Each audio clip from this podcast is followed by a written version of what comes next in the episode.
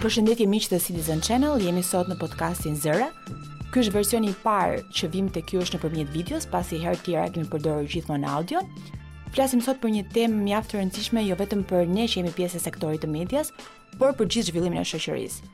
Flasim sot për lirinë e medias dhe kam të ftuar Koloreto Cukalin. Përshëndetje dhe faleminderit që pjesë e podcastit tonë. Kënaqësi. Tash ky zëra bëhet zëra dhe fytyra ndoshta si titull, meqenëse jeni. Tani ndoshta do ta rimendojmë, por besoj se zëra jo, është më mirë se mund këtë zëra dhe fytyra në varësi të të ftuarit mund ta kthejnë edhe zëra dhe surretër për shembull. Ne vendosëm caktuara. Ne vendosëm që të sjellim diçka inovative duke qenë që podcastin tani më po bëhet mainstream le të themi. Po dëgjoja dje podcastin tënd edhe dëgjova pjesën konkurrencë e pandershme, si ndihesh ndaj faktit që tashmë edhe kryeministri edhe lideri i opozitës po bëjnë tentativa për të krijuar një podcast. E para ndjehem me dëshirën për të ikur sepse vendet e punës po na zihen nga kryeministri, i cili bën shumë punë njëkohësisht përveç punës kryeministrit. Ë konkurrenca është e pandershme Ai ishte më tepër për për batut, por unë jam i shqetësuar nga kjo puna e podcasteve sepse personalisht zona e zërit, pra podcasti apo dhe radioja, kishin ngelur të pandotura nga nga nga politika dhe nga propaganda. Për një zonë deri diku të lira, sepse propaganda deri tani von ka luajtur deri sot, ka luajtur shumë me figurën.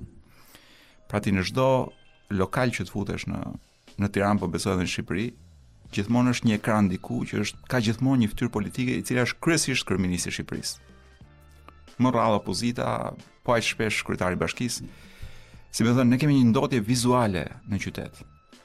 Dhe kemi një ndotje vizuale në ekran. Pra, ti trembesh për të hapur uh, televizorin dhe për, për të parë qoftë një program ku di unë fëmijë, sepse mund të dalë kryetari i bashkisë aty. në një program i ftuar nderi në një program fëmijësh. Dhe pjesa e e, e tingullit e zërit e, e prodhimeve të podcastit apo të radios kishte ngel deri diku e pastër sepse besoj që e kanë gjykuar si të parëndësishme.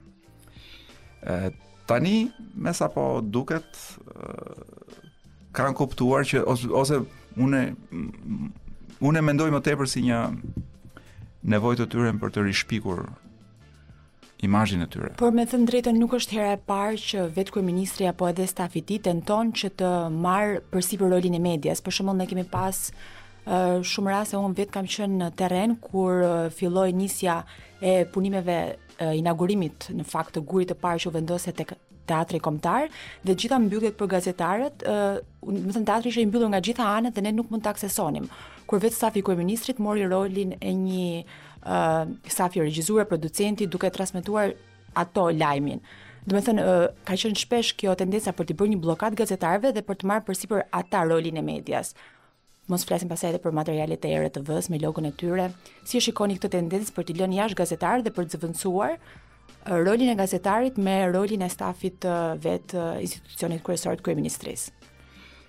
Në rastin e Shqipërisë janë dy dy arsye, dy argumente. Argumenti i parë është që ka të bëjë me është një fenomen psikik që i ndodh kryeministrit tonë, i cili mendon dhe kjo është dukshëm në shumë aspekte, mendon që bën më mirë punën se kushdo tjetër. Pra mendon se bën më mirë gazetarin se një gazetar, pra ka këtë ka paranojë, jo paranojë, por këtë ka fiksim të vetin. ë uh, dhe të vetëndjerë uh, personal. Ë uh, nga ana tjetër është Mënyra më e mirë për të kontrolluar narrativën mediatike. Pra për të kontrolluar çfarë del në në dhe çfarë transmetohet nëpër nëpër ekrane.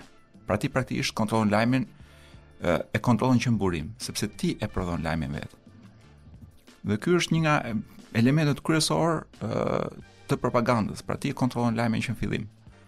Pra nuk e pret që të dalë dhe të bëhet dëmi dhe të kontrollosh dëmin, por ti e kontrollon që në dalje lajmin. Dhe prandaj është Shqipëria një vend edhe në lirinë e shtypit, por edhe në renditje të tjera Shqipëria nuk është një vend demokratik. Pra sepse nuk ka demokraci e, sidomos në në fushën e medias. Domethënë dhe gazetarin e trajton si audiencë. Ça mund të bëjmë ne uh, për të mos ta lënë veten si audiencë, por të bëjmë hallkën e oponencës. Rolin tonë kryesor. Bëhet gjithnjë më vështirë, sepse gjëja që kanë që ka ndodhur këtu është që është ngushtuar liria e informimit. Dhe këtu vjen rasti një nga rastet që përmende që pra ti nuk shkon dot në vendngjarje për të raportuar. Pra kjo liri është ngushtuar shumë. Ndërkohë që është zgjeruar liria e debatit. që në fakt është një debat shterpë. Pra është krijuar një imazh i një shoqërie të lirë, thjesht sepse njerëzit kanë mundësi të shkojnë nëpër debate dhe të të zihen dhe të flasin kundër. Por në fakt, gjëja problematike për sistemin apo për pushtetin gjithmonë është informacioni. Nuk është debati. Ti fol sa duash. Ata shqetësohen kur ti jep informacion që i dëmton. Sepse njerëzit edhe me debatin tash tani e shohin sikur sikur po shkon në arenë cirku dhe shohin ku diun. Ë dy qen që zihen me njëri tjetrin. Pra debati është kthyer në më tepër një lojë tani. Ë kurse informacioni është diçka që dëmton vërtet ata këtë këtë hapësirë kanë ngushtuar shumë. dhe kanë krijuar këtë fasadën përmes debatit që edhe ne këtu jemi një vend i lirë për të folur. Jo, ne jemi mund të jemi vend i lirë për të folur, por nuk jemi vend i lirë për të informuar dhe për të informuar dhe ky është një problem shumë i madh. Pra, ju si gazetar nuk informoni dot. Dhe kjo hapësirë është ngushtuar pra nga lart. Kryeministri nuk publikon agjendën e vet. Pra nëse ti do shkosh as kryetari i bashkisë, nëse ti do duash të raportosh një aktivitet të kryetarit të bashkisë, që po mbjell dy pemë, ti nuk e di kur do mbjellë ato pemë, Po, edhe sikur ta dish dhe ta marrësh vesh në mënyrë uh, rastësore dhe shkosh për të raportuar, nuk të lënë të raportosh që ndaj, sepse raportimi është ekskluziv i stafit të tyre vetë, pra lajmin e punojnë ata vetë. Kështu që hapësira është ngushtuar dhe kur vjen puna te mediat, mediat gjithnjë më tepër po mësohen me, me këtë realitet. Ka shumë gjithnjë më pak media që dërgojnë gazetarë në terren. Kjo puna e kasetave të gatshme që është një Është një një mungesë ulëritëse e lirisë së informimit.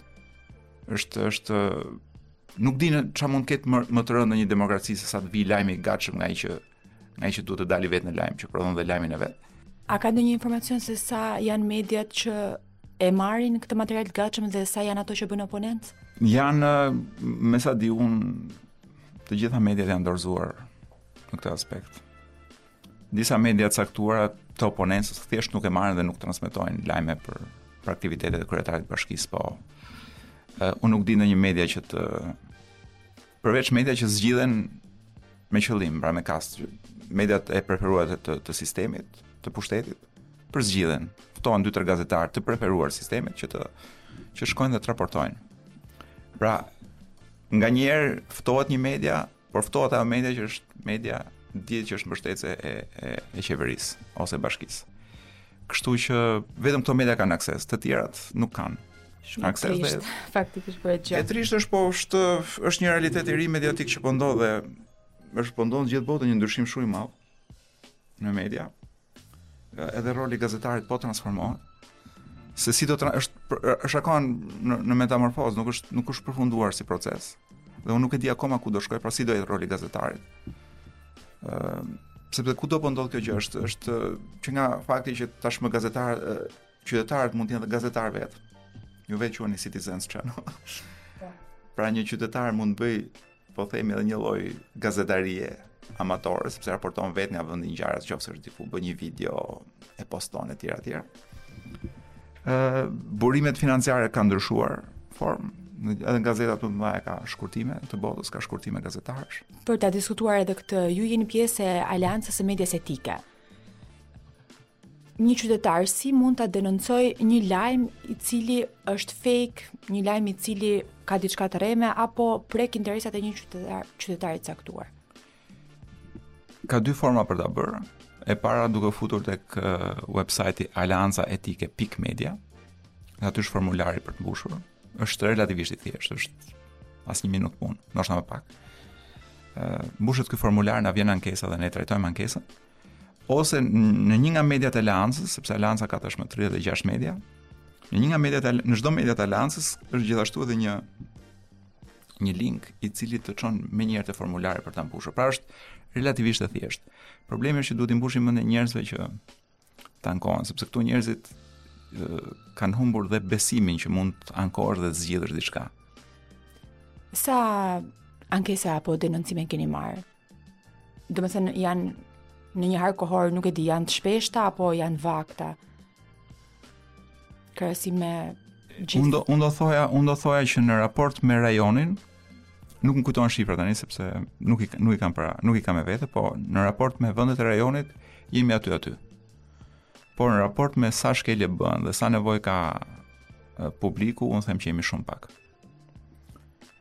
Po kjo është pjesë edhe një unë mendoj që është duhet bërë një punë edhe me edukimin e publikut në raport me median në të gjitha fushat, pra, dhe në raport me edukimin mediatik për të kuptuar ë për pra publiku vetë duhet të dallojë informacionin, nëse është informacion i rremë apo është informacion i saktë, nëse është një media profesionale apo jo. Pra duhet ta edukojmë publikun. Dhe bashkë me këtë informacion i duhet dhënë edhe Pra bashkë me këtë edukim i duhet dhënë dhe informacioni që mund të ankohesh. Po, sepse ka shumë njerëz që realisht nuk e dinë që se si mund të denoncohet një fake news apo ndoshta është edhe fakti që thatë ju që kanë humbur besimin. Keni pasur raste të suksesshme kur kanë ardhur qytetarë dhe janë mirënjohës për punën që keni bërë? Ne kemi pasur disa raste do thoja unë shumë të suksesshme. ë për shembull kemi mbrojtur një person që ishte me ndërhyrje të shpejtë, pra një shqyrtim i shpejtë i ankesës. Ishte një person që ishte pjesë e një çështje në në në hetim. Dhe disa media kishin dhënë indikacione se si se si ky person mund dhe dhe ky person mund të gjendej, pra nuk e kishin dhënë emrin. Por me inicialet dhe me vendin ku banonte, ku punonte, ku mësonte, nuk e mbaj mend.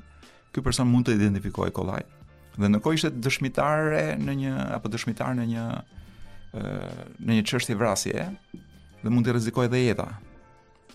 Sepse ishte dëshmitare. Kështu që ne ankesa u zgjidh, ne punuam me gjithë mediat partnere dhe në, nga gjitha vendet e I eliminuam gjithë dhënat që mund ta dëmtonin këtë person dhe unë besoj që ky ishte një rast që nuk vjen gjithmonë, se nuk besoj se janë të shpeshta raste të tilla, por uh, ky ishte një rast që ndërhyra jonë e shpesh e shpejtë unë mendoj që e ndihmoi dhe mbrojti atë person. Kemi raste pastaj uh, më kujtohet një rast i një personi, i një vajze të dhunuar diku në një fshat në periferi të Shqipërisë, në një rreth të largët të Shqipërisë, e cila gjithashtu mund të ishte pjesë e një situate të të komplikuar, duke se ishte ë për dhunim e tjera tjera, dhe që mund të identifikohej kollaj, kush ishte. Pra vetëm me inicialet dhe vendin e fshatit dhe identifikohej kollaj. Pra dhe në këtë rast ne bënë një ankesë te ne dhe ne ndihmuam për ta zgjidhur dhe për ta eliminuar gjithë informacionin që mund të ishte dëmtues për ta. A më vjen mirë që keni pasur raste të suksesshme për të kaluar pak jo vetëm tek denoncimet që bëjnë qytetarët ndaj medias, por denoncimet që bëjnë edhe institucionet shtetërore ndaj medias. Duhet të ndalojmë pak tek rasti i fundit, i cili ishte kryetari i bashkisë Erion Veliaj që denoncoi dy struktura online siç janë JOQ dhe faqja satirike Lolita një veprim i cili ndezi jo pak debate, jo vetëm në rrjetet sociale, por edhe nga organizatat ndërkombëtare. Sa sa presion uh, ka ky veprim ndaj uh, menaxhuesve të dy faqeve online, meqenëse ato janë bërë publik tashmë edhe me foto dhe me dhëna të identitetit të tyre. Unë do doja të korrigjonim termin, nuk ishte denoncim, ishte shantazh. Ishte shantazh, okay. Sepse denoncimi nuk bëhet publikisht. E para nuk i takon kryetarit të bashkisë të të denoncojë në emër të disa bizneseve, disa media, pra nuk është puna e tij. Mediat e prekur, më fal, bizneset e prekura shumë mirë mund shkojnë dhe besoj se dinë ku është dera e gjykatës. Kështu që mund shkojnë dhe denoncojnë vetë, edhe bëjnë dhe padi. Ndaj të dyja A ishte i prekur drejtpërdrejt kryetari i bashkisë që e bëri këtë mendon? Unë mendoj që kryetari i bashkisë në këtë rast është i prekur drejtpërdrejt për faktin që të dyja blogjet, po i quaj blogje sepse ata funksionojnë edhe si portale, po edhe si ë edhe në në platforma sociale. ë Të dyja blogjet janë shumë kritike me kryetarin e bashkisë. Pra është shumë e qartë që në prag zgjedhjes ai është shumë i shqetësuar nga nga qëndrimi i tyre editorial po e quaj. Dhe prandaj sulmi vinte nga ai. dhe është një sulm i cili është unë nuk besoj që kryetari i bashkisë është në gjendje të provojë çfarëdolloj gjëje në raport me me të dyja blogjet. Pra bë, bën vetëm një shantazh duke përfituar nga fakti që ka vëmendjen e mediave dhe ka media që ia përsërisin dhe ka dhe ka më fal ka megafonë plot që përsërisin fjalën e tij. Pra sistemi i megafonëve, i mediave megafonë që të cilat përhapin fjalën e kryetarit, meqenëse mbështesin kryetarin. Duke përfituar nga fakti që ai ka mundësi të dëgjohet dhe të shikohet, bëri këtë shantazh publik që ishte është një sulm i pastër ndaj lirisë së medias, sepse e para ti nuk mund të nxjerrësh uh, informacion personal për këdo person. Pra ti nuk mund të nxjerrësh fotografitë e dikujt. Për më tepër që ata e kanë zgjedhur vetë që të kenë një profil anonimati. Po pra, po edhe sikur, pra nuk të jep kush të jep të drejtën ty të marrësh dy njerëz dhe t'i nxjerrësh publikisht e duke akuzuar. dhe praktikisht i vë edhe jetën e tyre në rrezik. Pa folur për tonin dhe mënyrën se si e se si e ndërtoi të gjithë atë shantazhin, asaj gruas i përmendi fëmijët e tjera e tjera. Pra është është kërcënim i mirëfilltë. Që mbylleni gojën se unë ju njoh ja ku jeni, unë un, di kush jeni, se ju kam edhe fotot. Edhe un kam shtetin mbrapa. Dhe ky shantazh vijoi edhe më vonë uh, kur doli dhe tha që po punon prokuroria, po punon nuk është detyra e kryetarit bashkisë të tregojë se çfarë pune bën prokuroria dhe sa po punon prokuroria. Ata kanë një zëdhënës të vetin dhe mund ta thonë vetë nëse po punojnë apo jo. Pra, kryetari i bashkisë që merr pozicionin e prokurorit është diçka, sidomos para zgjedhjes, zgjedhjesh është diçka shumë shqetësuese. Dhe është kërcënim i drejtpërdrejtë për lirinë e medias. Po, në fakt nuk është hera e parë që kemi sulme të drejtpërdrejta ndaj medias duhet të ndalemi pak edhe tek rasti i televizionit Ora News, i cili u sekuestrua nga shteti dhe duhet të diskutojmë pak për çështjen se si ne të gjithë jemi koshientë që disa media kanë disa pronarë të caktuar që kanë krijuar lidhje të drejtpërdrejta me pushtetin, në raste të tjera edhe me kriminalitetin. Si ndikon kjo tek statusi i gazetarit? Uh, unë sot punoj në një X televizion i cili uh, zhvillon punën e tij të përditshme në mënyrë të sigurt, nesër e sekuestron shteti, pasnesër jam i papunë. Si ndikojnë, domethënë, të gjitha këto marrëdhënie të pronarëve të medias me pushtetin tek puna e përditshme e gazetarit? Në dijeninë time pronarët më të mëdhej të mediave kanë të gjithë lidhje me pushtetin të një forme ose një forme tjetër. Edhe po të futesh dhe të, janë, janë bërë edhe edhe hulumtime dhe është parë që një pjesë e madhe e tyre kanë lidhje edhe të tjera ekonomike, pra përveç biznesit të televizionit dhe lidhje të tjera ekonomike me pushtetin. Marrje tenderash, marrje lejesh ndërtimi etj etj. Ëh, pra është një marrëdhënie e sëmurë e hershme. Rasti i Ora Newsit, por dhe rasti i News 24-s apo i grupit Panorama janë dy raste shqetësuese sepse u nuk unë në perceptimin tim Ora News u godit ë Kur pati siç u mor vesh publikisht një një prishje po themi mes kryetarit të bashkisë dhe pronarit, sepse dolën dolën mesazhet publike e tjera e tjera. Pra, edhe nëse ka një problematik ndoshta e kriminale, unë nuk nuk di ta them sepse është çështje e gjykatave. Një pronar i medias. Në radhë të parë Duhet ndarë media nga pronari i medias. Sepse media, një media nuk është nuk është vetëm pronari. Nga që perceptohet këtu apo nga që percepton dhe kryeministri që kur i vjen gazetari përpara, ë uh, i duket sikur po i flet pronarit dhe jo gazetarit. Media është e përbërë nga nga ai që hedh para, pra ka investimin, por dhe nga ai që hedh profesionin, dijen dhe fytyrën. Pra kur ti thua ku di unë, ë News 24 nuk është më vetëm Irfan Hysenbelliu, është edhe Robert Rakipllari, është edhe Klodiana uh, Lala, pra janë gazetarë të cilët uh, kanë emrin e tyre dhe i kanë vënë kanë vënë emrin e tyre. Pra ai ai uh, ajo media përbëhet jo vetëm nga një nga financat, por edhe nga edhe nga gazetarët. Kështu që unë nuk e gjykoj edhe në rastin e gjykatave apo të prokurorisë së posaçme e gjykoj gabuar faktin që kanë futur e kanë konsideruar median pronë. Media nuk është pronë vetëm e këtij njeriu. Ky ka vetëm ka vënë vetëm investimin këtu. Po media është pronë edhe e gjithë këtyre që që punojnë dhe prodhojnë aty. Pra nuk është media një kioskë që shet ku di unë, këpucë të përdorura.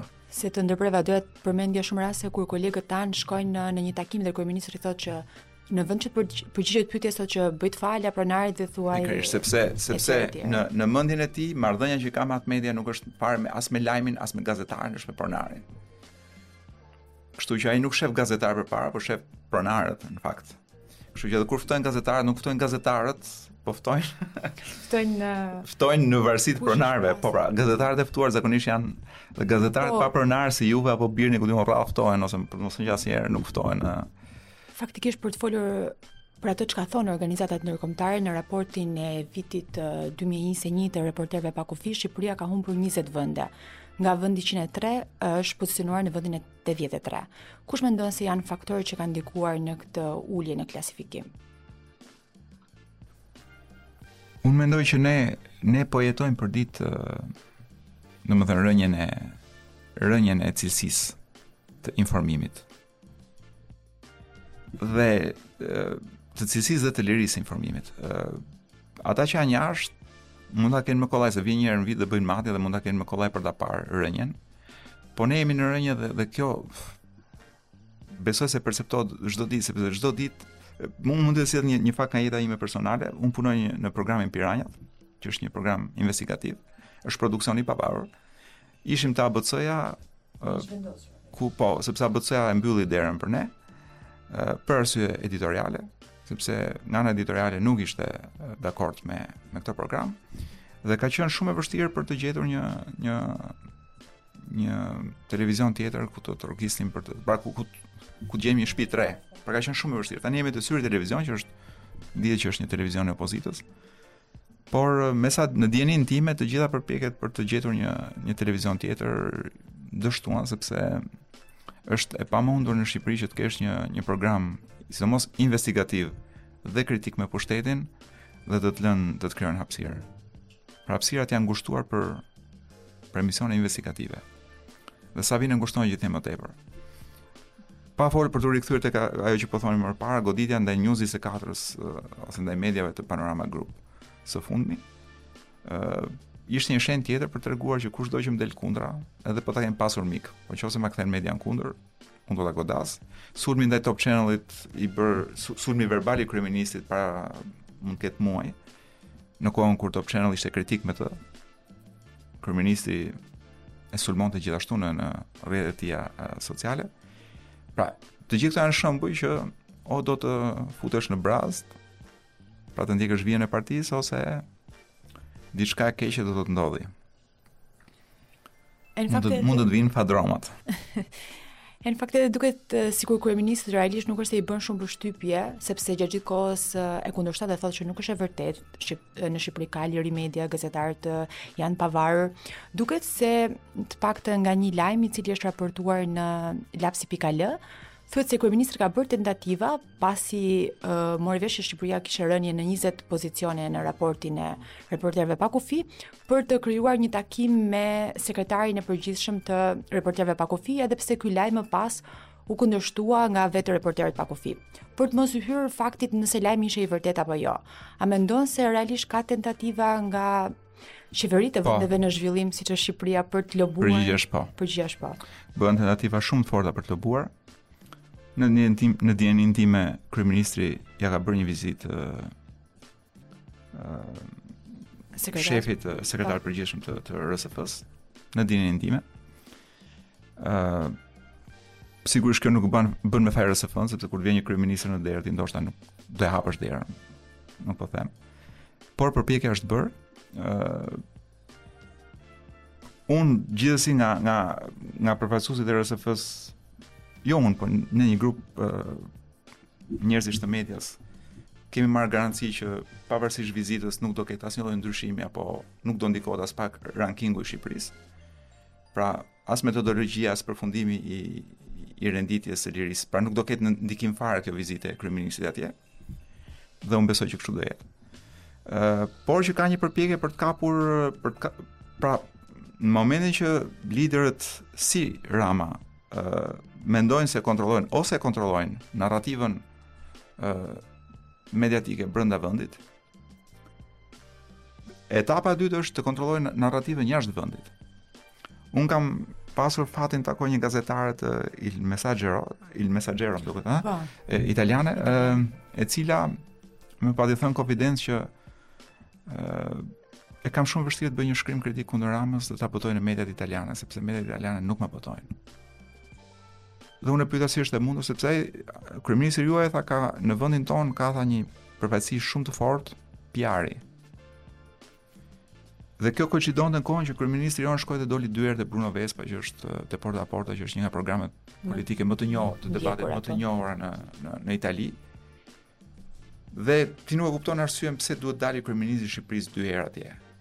Pra nuk dhe dhe në në intervista të cilat nuk ishin fare gazetareske, pra ishin një PR i pastër ku kryeministrit të Shqipërisë nuk i bën një pyetje. Një pyetje gazetarie e mirëfilltë. Pra ishin dukshëm dy qoka në një nga programet më të mëdha ë italiane.